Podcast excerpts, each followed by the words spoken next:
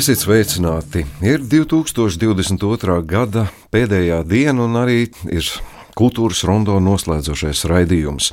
Šajā stundā mēs pulcēsimies jau pēc brīža visa kultūras rondo um, komanda. Cilvēki pievienosies, kas par kultūru rūpēs Latvijas radio viens. Ir solīts, ka pie mums iegriezīsies arī kāds ciemiņš, nezina patiešām, kas tas būs, bet sāksim šo stundu ar kādu saucērīgu dziesmiņu, atvadoties no aizgājušā gada.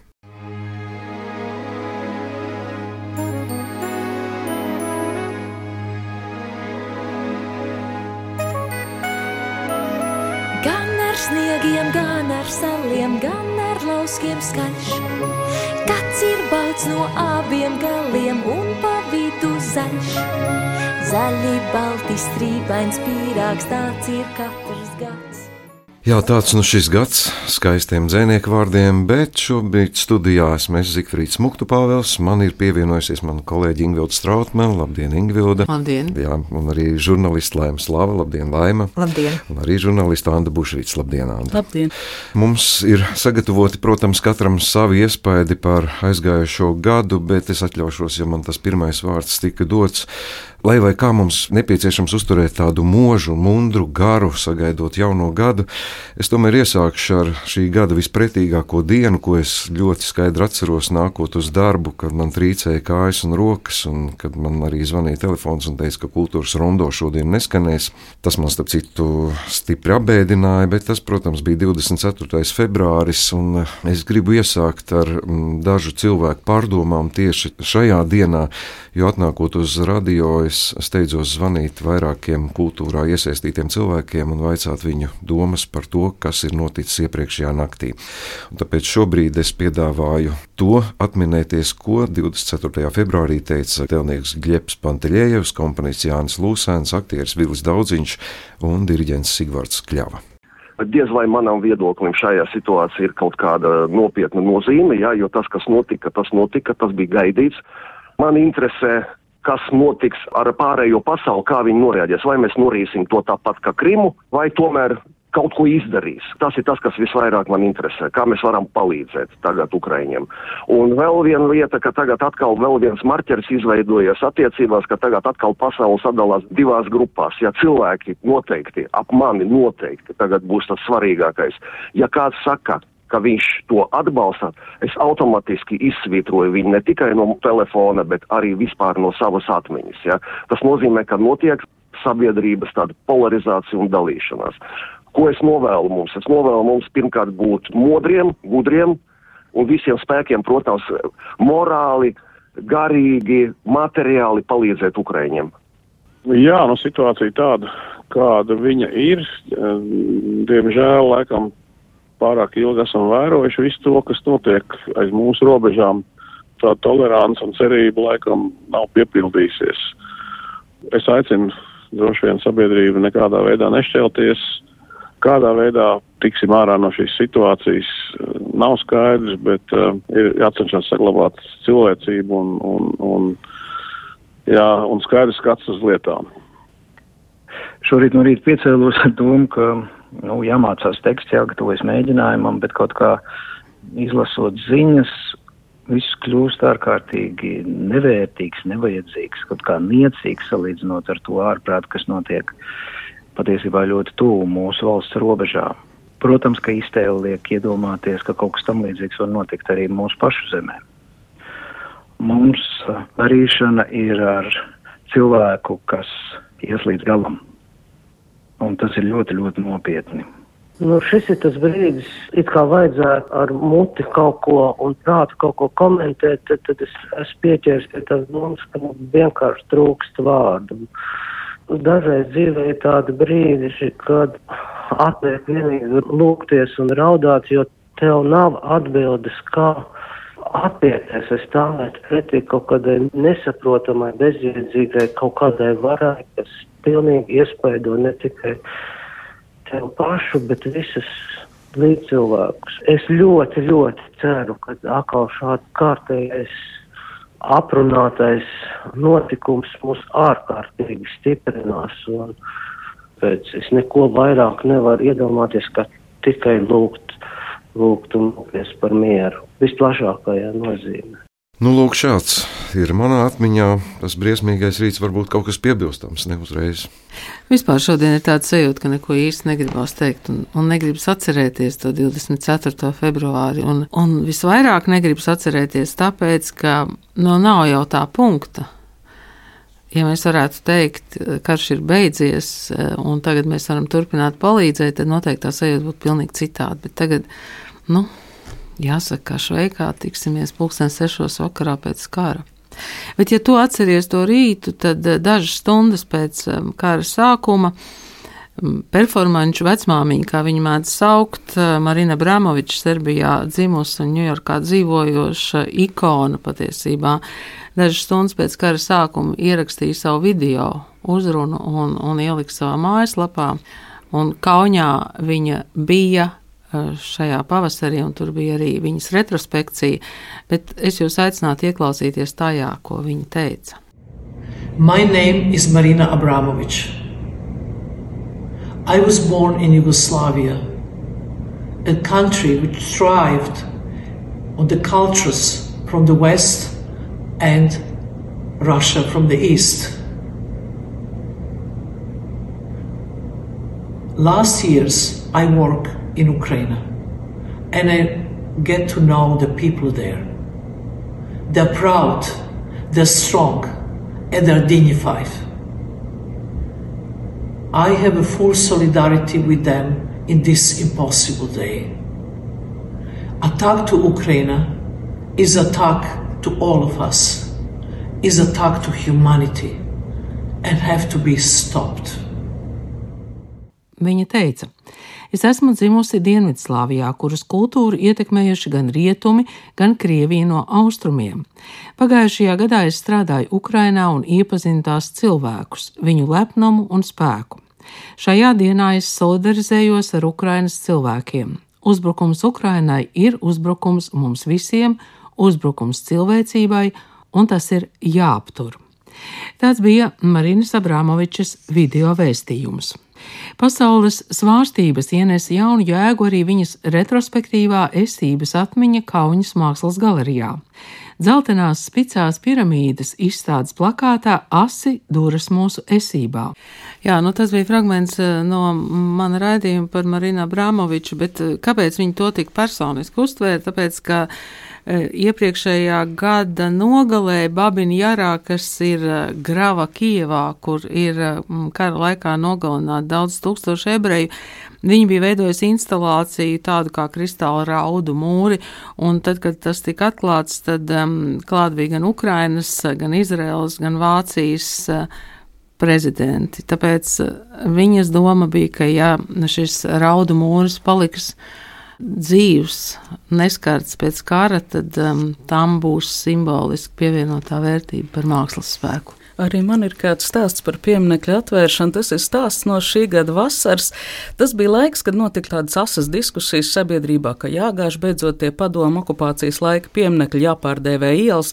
Man bija tāda duāla attieksme, jo es pat kādu laiku dzīvoju Lermonta vielā pārdaugavā, un es zinu, ka šī iela ir nosaukt par godu Lermonta licejam, kas ir šajā ielā patreizējā Agenskalna ģimnāzija, un pārdēvējot Lermonta vielu pa kādu salgožu vai rāmieru ielu, tik tiktu izmesta vēstures mēslainē nu, vesels vēstures nogrieznis, kas attiecas uz šo Rīgas rajonu, kurš starp citu ir cēluši vācu balti, nevis latvieši. Un tikpat sarežģīts jautājums ir par tiem padomu laika pieminekļiem, kuriem ir kaut kāda neitrāla uzraksta, teiksim, fašismu upuriem. Es viesojos Tomē pie Tomas folkloras kops un man izstāstīja vienu ļoti konkrētu stāstu, ka šāda piemiņas zīme, kas ja tajā brīdī bija likvidēta, bija uzlikta netālu no meža, un šajā mežā dažādās vietās bija apglabāti padomju armijas karavīrs, vācu kareivis un, laikam, šucmaņa nošauts kāds vietējais iedzīvotājs. Un centīgi aizvācot šādu piemiņas akmeni, nevis izpētot, um, nosaucot vārdā, kas tad ir šie cilvēki, tiek faktiski nedomājot aizvākt visu šo trīs cilvēku piemiņu. Kas līdzīgs padomu laikā bija noticis ar Cēsīs nošauto ebreju piemiņu, eh, pie Niniera ezera padomu laikā tika uzstādīts piemineklis arī ar šādu līdzīgu uzrakstu, precīzi vairs neatceros fašismu upuriem, bija gadskaitlis 1941, bet šis piemineklis nekādā veidā neatšifrē, ka runa ir par cēsu ebreju kopienu, nedz arī kaut kādā veidā atklāja, kas tad ir šie cilvēki, kas tika nošauti. Un šo vasaru, vasaras beigās, augustā, kā cēsu mākslas festivāla satelīta pasākums notika, man ļoti spēcīgi iespēja atstājusi audiovizuāla performance Klusums krīt, tajā skanēja Krista Auznieka muzika, bija Reņu un Krista Dzudzilo iecerēta performance, un pāris nedēļas iepriekš cēsīs pie vairākām mājām, konkrētās adresēs tika atklāta Reņu un Kristus Dzudzilo veidot vidas objekti, tas ar kopējo nosaukumu 1941 ceļš. Tie bija betona apavi, kur izmērs arī tas, vai tie bija sieviešu vai vīriešu apavi, atbild katra nošautā vecumam un dzimumam. Tas bija stāsts par tātad cēsīs 1941. gadā nošautajiem ebrejiem. Un Krist un Rēns Dzudzilo uzskatīja, ka vēl lielāks nodarījums par to, ka um, kāds režīms ir atņēmis šiem cilvēkiem dzīvību, to, ka ir izdzēst atmiņa par šiem cilvēkiem, un tas nu reiz attiecas ne tikai uz to tālo 41. gadu, bet arī uz mums šo laiku cilvēkiem. Un man vispār ārkārtīgi valdzina tas, ko dara scenogrāfa Rēns un Krista Dzudzilo. Viņi ir scenogrāfi arī cēsīs iekārtotajā ekspozīcijā Sirdsapziņas ugunskurs, kas stāsta par cēsu apriņķu iedzīvotāju nacionālo pretošanos okupācijas režīmam no 40. līdz 57. gadam. Būtībā viņi ar scenogrāfijas paņēmieniem iedzīvina vēsturi. Atklājot šo objektu, vidus objektu 1941 ceļš, man šķiet, ka visi klātesošie lieliski saprata, ka mēs runājam ne tikai par vēsturi, bet lielā mērā par šodienu, par kādu vispārēju principu, kā tad atcerēties, kā just līdz, ko iesākt ar naidu, ko iesākt ar vainas apziņu. Tātad ierakstā Rēns un Kristuds Dzilo viņi stāst par šo vidus objektu 1941 ceļš cēsīs. Ja pilsētvidas objekts atšķirībā no ekspozīcijas ir daudz skaļāks un uh, daudz redzamāks un kaut kādā ziņā daudzāku apmeklētāju satiekošāks. Un uh, tev nekur nav jāiet. Viņš pats atnāk pie tevis, ja uzdurās uz tevi. Un tā ir arī vēl, vēl viena no lietām, kas šķiet būtiska un jēdzīga. Tieši šī ikdienas klātesmība, kurā ir neizbēgamība, ka viņš tur ir. Un, un kaut kādā ziņā arī, ka viņš ir tik uh, mazs, tik neliels savā formā. Līdzīgi kā Vācijā taisīja klupšanas akmeņus, kur bruģi tika iestrādāti. Man šķiet, vārdu plāksnīca, aiz kurām tu aizķeries. Tāpat arī šie uz ielām esošie pēks izliktiem apaviem kļūst par tādiem klupšanas akmeņiem. Bet attiecībā par to, ko jūs jautājāt pirms tam par cilvēkiem, par to, ka varbūt daudzi cilvēki nevēlas domāt vai kaut kā saskarties ar to, Mēs saskārāmies ar cilvēkiem arī tad, kad mēs um, instalējām, nu, mēs nē, tad, kad mēs bijām klātesoši, kad objekti tika ielikti pilsētvidē. Cilvēki ir pretim nākoši, un viņi ir ziņkārīgi un intereses pilni, bet vienlaicīgi vecāku gājumu cilvēki varbūt ir bailīgāki, jo tāpēc, ka viņi ir dzīvojuši ārkārtīgi represīvā politiskā konstrukcijā, kurā visu laiku viss ir balstīts sodā, un viņiem ir daudzi aizsardzības mehānismi, kuri kompensējas ar kaut kādu varbūt personīgu, pat agresīvu vai vēlmi neiztraucēt kaut ko, un ka šis ir kaut kas, um, jā, kas viņos rada bailes. Bet cik mēs saskārāmies, pavisam vienkārši un cilvēcīga saruna to spēja izlabot, vai spēja atvērt vietu telpai, kurā ir saruna. Un mūsu personīgajā pieredzē visas sarunas beidzās veiksmīgi. Jā, nu, kā klausītāji varbūt noprot, mēs no tādiem pasaules politiskiem notikumiem lēnām pārējām pie tiešiem mākslas notikumiem. Protams, ka Zudzilo komanda periodiski dažādos virzienos parāda vienkārši fantastiskus rezultātus, bet, lai mēs pagūtu iziet visām sfērām cauri, lai mēs saprotu, ka tu turpini sekot joprojām dejošana tavā interešu lokā nepazūd. Nu, jā, arī jau vairākus gadus, un arī šis gads nebija izņēmums, vai ne? Jā, protams, un arī pirms es nācu uz studiju šodien es klausījos attālināti gan Dejas informācijas centra sarunu, arī tā bija tikšanās ar Dejas balvas žūriju. Un, lai mēs paturpinātu tēmu, par ko iesākām raidījuma sākumā, tad arī tur izskanēja īpaši laikmatīgās dēļas kontekstā, ka par ģeopolitisko situāciju mākslas darbi vēl turpinās rasties. Un es domāju, šis ir tiešām tāds uh, mirklis, kad par to vienkārši nevar nerunāt, un arī māksla tātad par to runās. Bet Maijā, kas ir eh, tāds vasaras sākums, eh, Tallinā trīs dienas risinājās Baltijas dēļas platforma. Un šī platforma notika otro reizi, jo Pandēmija savukārt bija izjaukusi to ritmu, kāds bija iecerēts, jo pirmā dēļas platforma notika 19. gadā Viļņā, Lietuvā. Nu, lūk, tā ir tāda vieta un reize, kad satiekas dēļas, laikmatīgās dēļas profesionāļi, arī dažādi eksperti no ārvalstīm un var teikt, pārstāvi no daudzām pasaules vietām, um, iegūt kontaktus, um, piedāvāt savu darbu starptautiskai auditorijai. Tas ir viens no ļoti svarīgiem notikumiem. Un tātad um, šīs Baltijas valstis, laikmatīgās dēļas profesionāļi ir apvienojušies.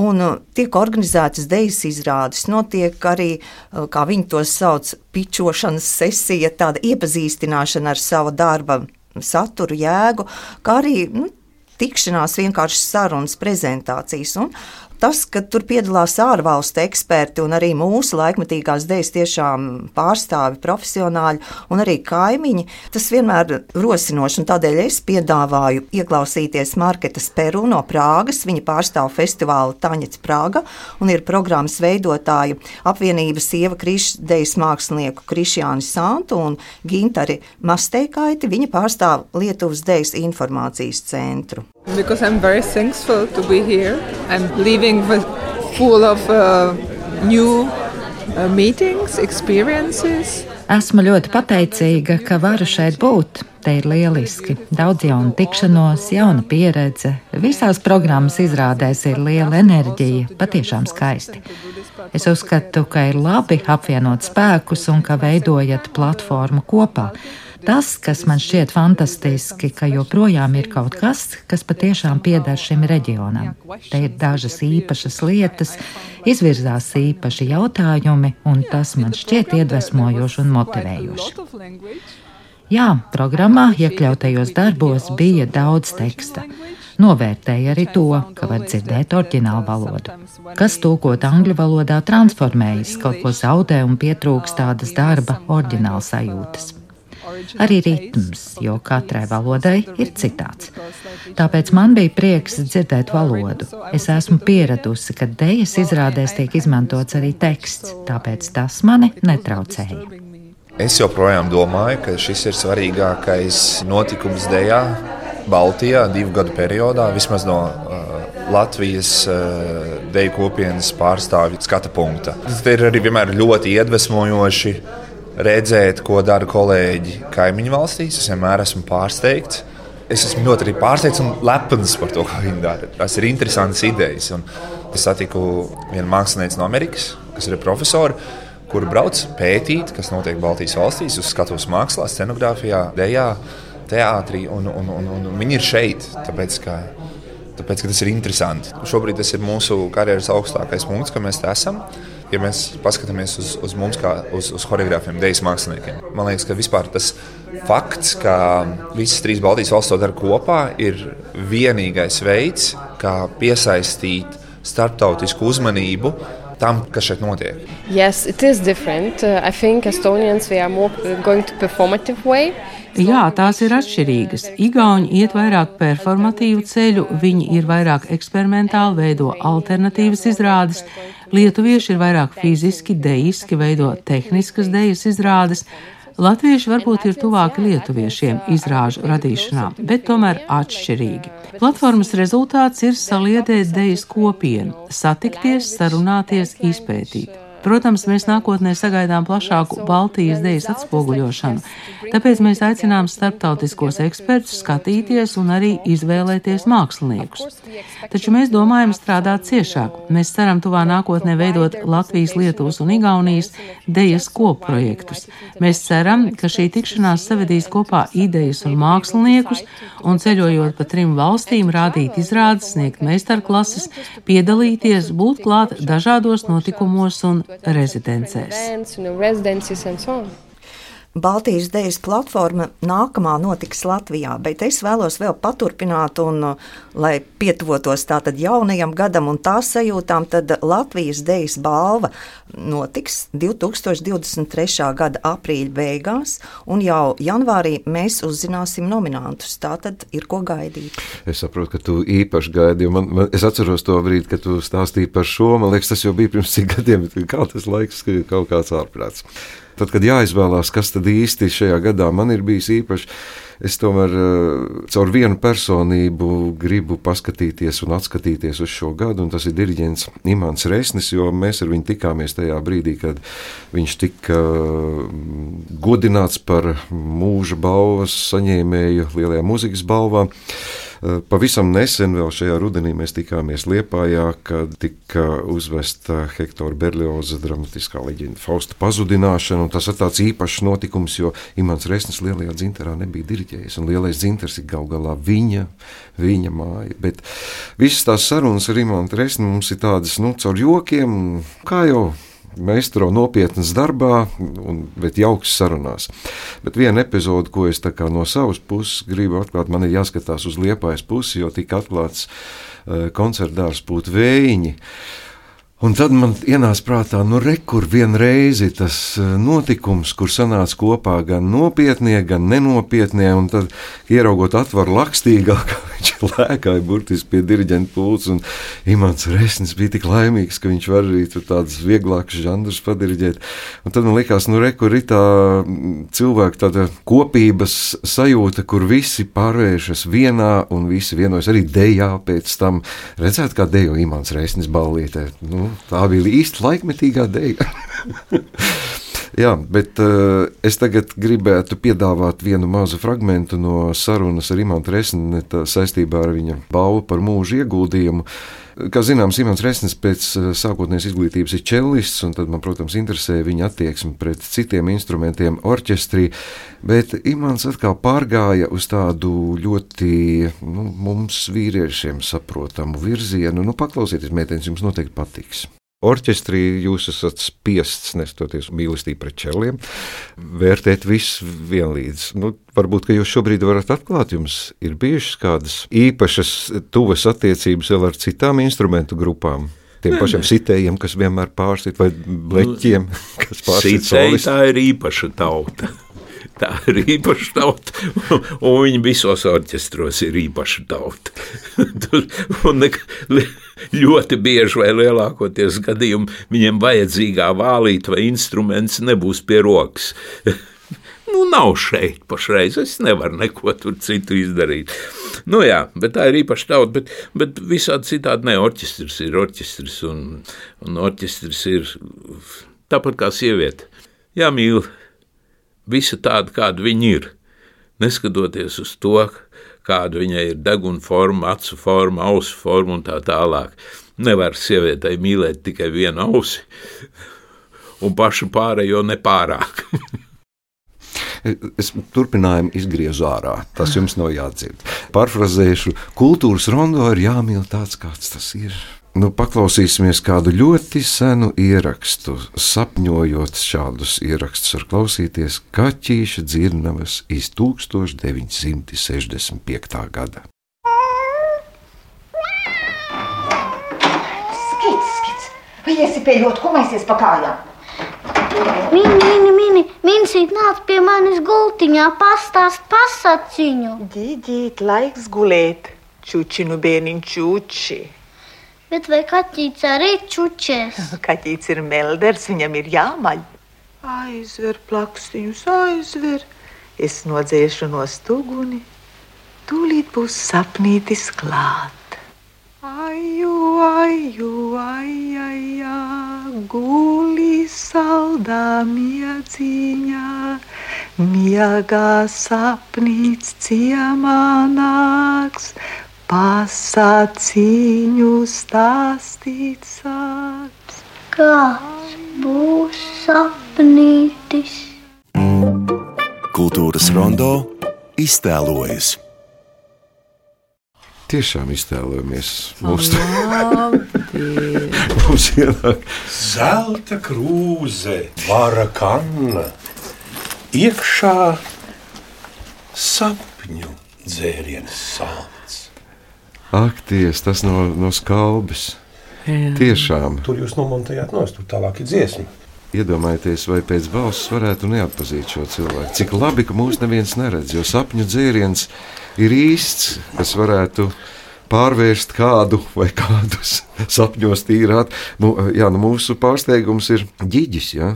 Jā. Tā tas bija tas pareizais vārdiņš. Jā. Ak, Dievs, 65. gadā, ģiģi, cik tev gadu bija?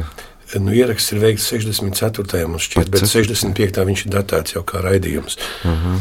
Man bija pieci gadi. Tā ir mana pirmā loma mūžā. Tas ir liels, jau, jā, tas ir profesionāli. Es saprotu, ko es tur runāju. Bet, zini, tas ir fenomens, es tagad saprotu, tas ir tā kā, ja to balstiņu salīdzina ar to, kāda šobrīd man skan. Tad tas ir apmēram tāpat kā salīdzināt mani ar to uģi, kas ir nevis ģiģi, bet uģi, kas ir limuzīnā jāņakts krāsā. Bērni jau neatpazīst, ka tas iesirmais apalīgais kungs ir tas pats slaidais puisis, kas uz to monētu grib braukt. Nu, ja mums radio klausītājiem konkursu jautājums, vai studijā ir Gunārs Aboliņš, vai nav trīs atbildžu varianti? Jā, labi, Gunārs, patiešām. Nu, ir vēl ceturtais, ir, bet nav. Ir, bet nav, jā, viņš ir tik mainīgs. Mēs te nodarbojamies ar uh, savām katras privātajām gada atmiņām. Es tik, tikko ieminēju, cik man ir skumji dāmu pulkā šeit. Pateicos, ka tu mūsu kompāniju, tā teikt, man atvieglini. Es drusku līdzsvaroju situāciju, es ceru. Jā, bet varbūt tev arī ir kāda atmiņa par šo gadu par kultūras dzīvi, nu, mums kultūras raidījums, saprotiet. Uh, ko Jā. tu gribētu arī mums pateikt, kas tev šajā gadā bija tāds Man bija tādi pāris interesanti notikumi. Man ļoti labi atmiņā ir palicis Jāņa Erenštreita jubilejas koncerts Dzintaros, kur man tika uzticēta viena no tā koncerta vadītājiem loma. Es redzēju, kā viens cilvēks, nu, faktiski viņš ir tas pamatsakne, tas kodols. Ar visiem skolniekiem, kolēģiem gadu laikā ir izveidojis tādu mācību iestādi kā Rīgas Doma Korskola Un cik daudz cilvēku, kas šodien ir kultūras, un ne tikai kultūras, arī ekonomikas un zinātnes laukā un, un žurnālistikā, cik daudz ir šajā skolā guvuši to, to izpratni par dzīvu pasauli un, un mūziku. Tas man bija tāds, tāds nu, kad viņi visi sanāk koncertā, visi audzēkņi kopā, visi dzied uz skatuves. Tas tev bija trieciens. Jā, tas bija tas kultūra šoks.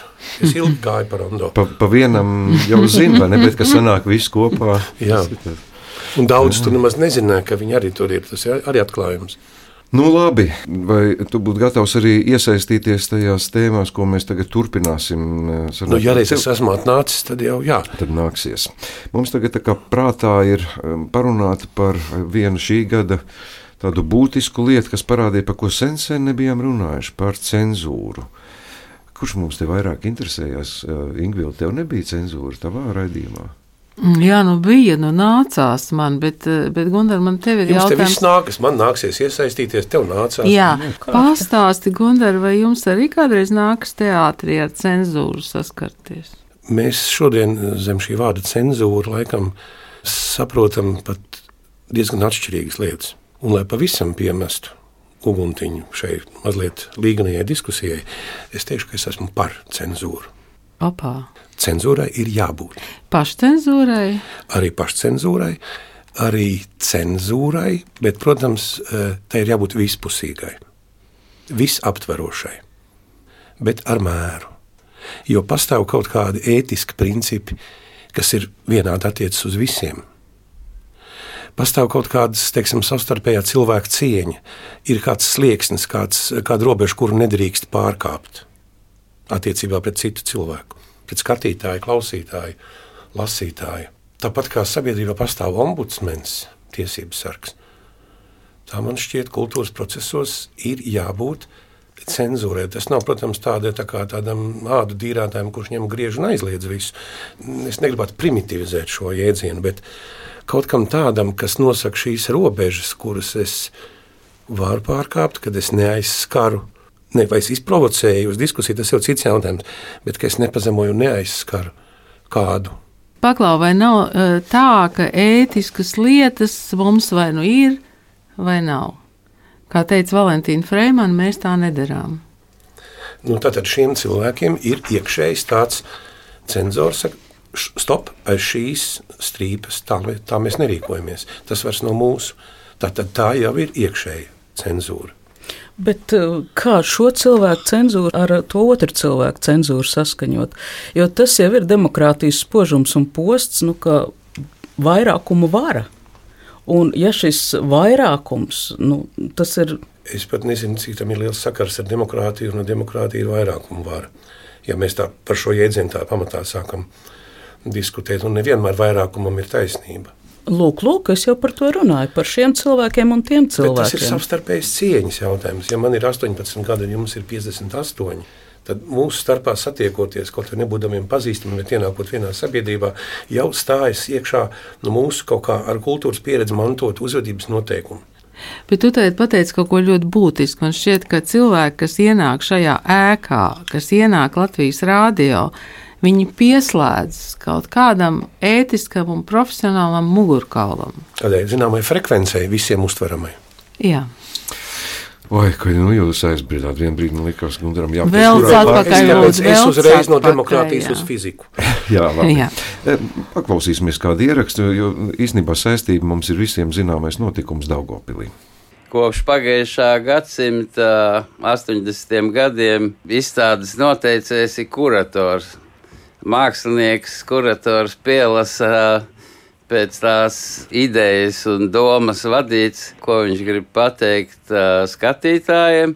Un līdz ar to kuratoram ir jābūt kabatā pietiekoši daudz argumentiem, lai paskaidrotu jebkuram, tā skaitā, varbūt domēji, kāpēc ir izlikti šie mākslinieki darbi. Mēs iespējams domājam, ka vārda brīvība un mākslinieckās izteiksmes brīvība ir, ir neaizskarama. Ja? Nu, no vienas puses cilvēki saka, bet no otras puses, ja mēs skatāmies, kas patiešām notiek. Un vai tiešām šīs, šī brīvība ir tik absolūta, tad mēs redzam, ka mēs īstenībā ļoti pamatīgi šķirojam. Šeit man liekas ļoti interesanti salikt kopā ar uh, manas kolēģis Dārsa Zenovskas grāmatu School of Europeanness, jeb uh, Eiropeiskuma skola, ja, kur viņi ļoti skaisti apraksta par šiem nu, tādiem liberālās izteiksmes um, pieļaujamības robežām, kuras Latvijā mēs mēģinām kaut kādā kaut kā apgūt. Jo viņi tur ļoti arī labi apraksta, ka arī Eiropā nav tā, ka viss ir, nu tā, viss atļauts vai viss ir ļoti atvērts kaut kādām noteiktām lietām. Ja? Ir noteikts robežas, un tas, kas, nu, kas pie mums notiek, ir, ka mēs tās robežas arī mēģinām pieslīpēt pie tās, pie tās pieļaujamības vai nepieļaujamības. Tas, ka mums nav šī laikmatīgā mākslas muzeja un ka no skolas gadiem bērni, jaunieši neiet uz šādu muzeju un neredz tos mākslas darbus, kuri darbojās šajā domāšanas telpas ietvarā vai kuri rada šo domāšanas telpu, viņi vienkārši nav trenēti vispār skatīties uz mākslas darbiem kā kaut kādām tādām metaforām, konceptuāliem žestiem, asociatīviem vēstījumiem. Viņi redz to, ko viņi redz krustu, un tad tur to locekli pie, piestiprināt, un viss, un tālāk vairs tā doma vienkārši neiet, jo viņi nav trenēta doma, viņi nezina, kas jādara tālāk, ieraugot šādu objektu. Tātad par notikumiem Daugopilī tikko dzirdējām refleksijas no Kristapa Zāriņa, Klāvas Edlinieku un Solvitas Kreses. Mēs noteikti sekosim līdzi arī nākamgad, kā attīstīsies situācija Daugopils Marka Rotko mākslas centrā, kur no ekspozīcijas tika izņemti trīs igauņu mākslinieku Sandera Raudsepa darbi no cikla Nāvīga vēlme nonākt pēcnāvē. Noteikti būs vēl daudzas diskusijas par māksliniecisko brīvību, pašcensūru un laikmetīgo mākslu. Otrs šī gada skandāls kultūrā saistās ar biblioteku slēgšanu jūrmalā. Savukārt šo biblioteku grāmatu liktenis Andu aizveda pie kāda grāmatnieka. Walters Dakšs, bukinists, grāmatu kolekcionārs, jā, mūsu saruna bija ļoti rosinoša, vairākas tēmas ierosināja, arī pieskāramies Bulduru bibliotēkai, bet mazliet raksturoši, kas ir Walters Dakšs, daudz varbūt nezina. Viņa dzīves stāsts ir Matīs Karš filmā Klejotāja, proti pēc traģisku ugunsgrēka, kas iznīcināja viņa dzīvi agrā vecumā. Viņš mērķi dzīvēi saskatīja atjaunot gan saldu nodegušo māju, gan personisko bibliotēku, tātad naudas nav. Viņš atrada tādu unikālu paņēmienu. Viņš sauc savu profesiju, ka viņš ir grāmatu izvedējs. Proti, ja jums nevajag grāmatas, es tās izvedīšu, sašķirošu vērtīgākais personīgā bibliotekā vai uz antikvariātu, nevērtīgais maklatūrai. Un faktiski tas bija sākums viņa bukinistu karjerai. Un tas, kas man sarunā ar Walteru Dakšu varbūt satrieca. Viņš eh, mūsu saruna notika brīdī, kad iepriekšējā vakarā vai, vai, vai nesen viņam bija atdots vesels piecas bibliotēkas. Un es sapratu, cik vērienīgs ir šis process, kad paudze, kas krāja grāmatas, aiziet mūžībā, un radinieki tās grāmatas negrib piecas bibliotēkas personīgās vienā vakarā. Un otrs eh, līmenis, kā arī pašvaldību bibliotēkas mirst, nebūtu ne tāpēc, ka nav pieprasījums, bet pašvaldību līmenī tā vienkārši nav prioritāte. Un varbūt patiešām skandalozākais gadījums šodien Jūrmalā bija ar Bulduru bibliotēkas slēgšanu. Tas parādīja iedzīvotāju bezpalīdzību ietekmēt situāciju. Tātad ir bibliotēkā īpaši celta ēka, ir iedzīvotāju pieprasījums, Jūrmals pašvaldība par nabadzīgu izmisumu situāciju arī nenosauks praksi. Man liekas, ka šādos gadījumos valstī tomēr ir jāatrod veids, kā ietekmēt šādus lēmumus, jo tā ir valodas izdzīvošanas lieta, tā ir nacionālās grāmatniecības atbalsta lieta. Un Ziemeļvalstīs bibliotēkas ir arī ļoti spēcīgs nu, integrācijas mehānisms, kā sabiedrību padarīt vienotāku. Brēcoši izcināms jautājums, un šai sarunā ar Walteru Dakšs uzzina arī, kur nonāk tas eh, bibliotēkas grāmatas. Tās piecas bibliotekas, kas tev deva grāmatas, ko jūs tur tajā naktī šķirojāt. Jā. Starp tām bija arī tā Buldura biblioteka, tas sāpīgais stāsts. Nē, starp tām nebija Buldura biblioteka, jau pēc pastāvošās likumdošanas biblioteka nevar norakstīt tās grāmatas, atdot grāmatu tirgotājiem. Viņiem pēc likuma viņas jānodod makultūrā kā jebkurai nozarei, kaut kādas standarta procedūras, kas notiek ar grāmatām, un tā standarta procedūra, ka viņas nodod makultūrā. Tu šausmīgi sāpīgi stāstu izstāstīji. Droši vien daudzos sašutumu priecīgs. Bet es cilvēkiem aicinātu nebūt sašutušiem, jo tā ir mūsu ikdiena. Ļoti daudzi nodod grāmatas makulatūrā, vienkārši nezinot, kur tās likt. Tu teici, piecas bibliotekas atdeva grāmatas. Tad kā tas varēja notikt? A, tas ir privāti bibliotekas. Oh, saprotu. Privāti personu, jo vispār, nu, ko es esmu novērojis, ka tā standarta biblioteka, kur man atdod, tajā ir ap 2000 grāmatām, kas kā, cilvēku dzīves laikā. Nu, tīpaši tajā padomju laikā ļoti daudzās mājās ir vidēji ap 2000 grāmatām. To klausoties, man ienāca prātā arī Imants Lansmaņa savulaik teiktais, ka ne jau tikai grāmatas, bet Eiropā tā ir vienkārši traģēdija, ka visādas mākslas kolekcijas tiek izpostītas un, nīkst ārā. Ingūna, tu gribēji par biblioteku? Kaimiņos? Jā, es gribēju par biblioteku kaimiņos Oslo, bet, bet iepriekš faktiski ir, ir jautājums, kas notiek ar eh, trimdas latviešu bibliotekām, jo viņu bērni, mazbērni latviski nelasa, viņiem tās grāmatas vispār nav vajadzīgas. Ja? Un no Austrālijas vai Amerikas arī attransportē, un arī gleznas, jā, bet tas ir īpaši jautājums. Un skaņu bet, ieraksts, starp citu. Un arī. arī. Jā.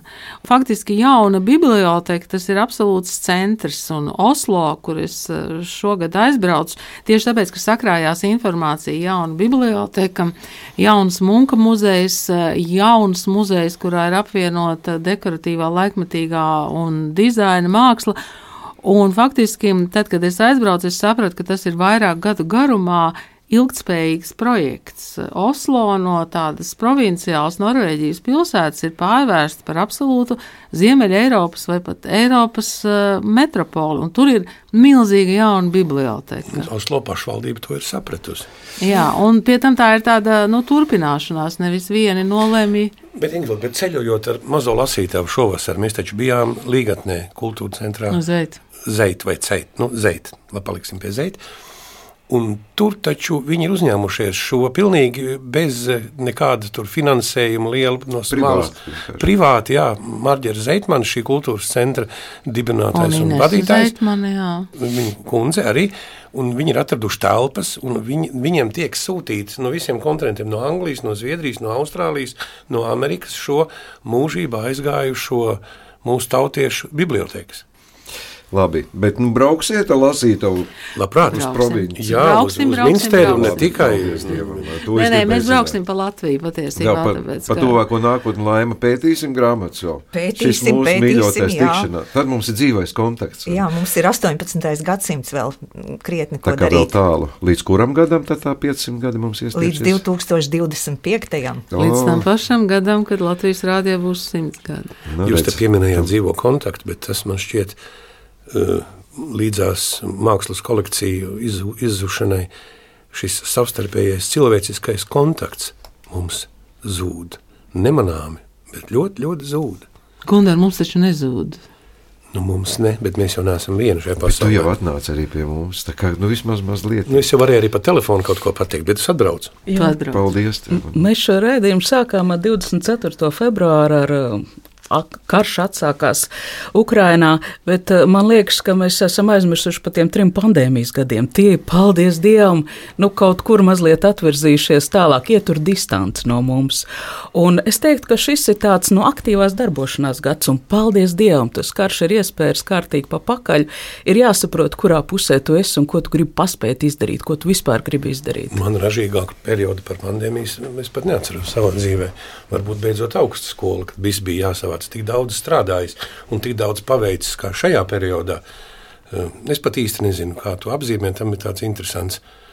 Mm, Tur visādi tie jaunavā bija mājas sēdes un, un, un attālinātie darba apstākļi un, un viss.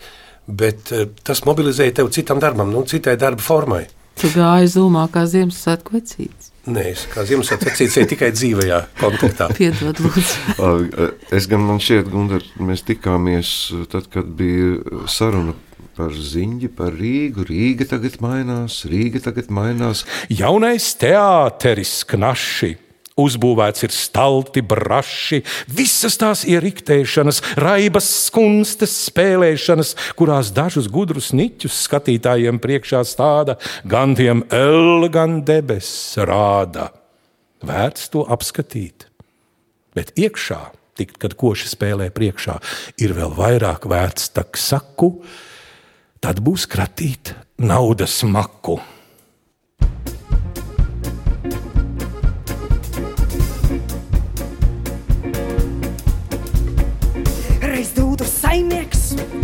Pēters rauda, sēž pirmā rindā teātrī. Viņš godīgi mākslu bauda un veras katrā aktierī. Viss labi! Pēkšņi Pēters rauda, sāk uzmanīgi klausīties. Piedošana, Jā. ļoti privāts jautājums. Jā. Jaunais Rīgas teātris ir jau kaut kādā taustāmā attālumā. Nākamā gadā drīkst vēlēt nokļūšanu mājās. Vēlēt, tu drīkst. Tu katru gadu vēlē laimes. Tas jau nenozīmē, ka tu katru gadu pēc tam esi laimīgs. Tagad ir solīts, ka mēs eh, jau kuru reizi solīts, ka mēs nākamo sezonu varēsim uzsākt jau jaunajās telpās, vismaz daļēji. Nu, to jau dzīve rādīs. Ir viens, kurš zina, vai tā būs vai nebūs, bet viņam mēs. Bet tu esi ticīgais cilvēks vai Es- neticīgais? Nevis ticīgs vai neticīgs, bet ticīgais. Es esmu kristietis. Un uh, tu vari ielikt vienā vai otrā plauktiņā. Jā. Bet uh, šajā Ernsta Dienasbeļģa tekstā um, es gribētu tagad uh, dzirdēt, vai tas vispār ies cauri, vai, vai cenzūra Latvijas radio to raidīs cauri. Jo šis teksts ir tapis laikā, kad Rīga atradās Krievijas impērijas sastāvā un Rīga valdīja ģenerālgubernators Suvorovs. Un tur ir visi vecie vēsturiskie ielu un bulvāru un tiltu nosaukumi. Un kā tad mēs tagad tos tagad raidīsim, vai mēs slavēsim to bijušo impēriju vai nē? Saproti, visu jau nosaka samērs, mērs. Ja neviens nepamanīs, Ir ir mēs nu- Ingūnu noziņosim. Dzirdējāt, tur bija. Nē, nu, Gunter, tu jau sāc ar to, ka tu nosodīji šo situāciju. Es nenosodīju situāciju. Tagad. Nē, es Nu, nenosodīju šo situāciju, bet problematizēji. padomi laikos eh, Edgars Liepiņš šo pašu literāro materiālu ņēma un to cenzūra aizliedza. Kaut gan man pirmajā izdevumā ir rakstīts Dazvoļeno cenzūraju. Bet klausies, konteksts vienmēr ir svarīgs. vai ne? Gan laika, Bet gan visu jau nosaka telpas. konteksts. Visu nosaka konteksts. Jā, runas ir garas, darbs ir īss. No darba varas liktenis Sapņu dzēriens, saldējs, ko mums atnesa slepenais ciemiņš, gaida savu kārtu. Mīļie draugi, laimīgi jums jauno gadu! Diemžēl tiekamies arī nākamajā kultūras rondo ietvaros. Paldies. Nē, par prieku, vai ne? Jā, Laimīgi jauno gadu! Laimīgi! Laimīgi, laimīgi.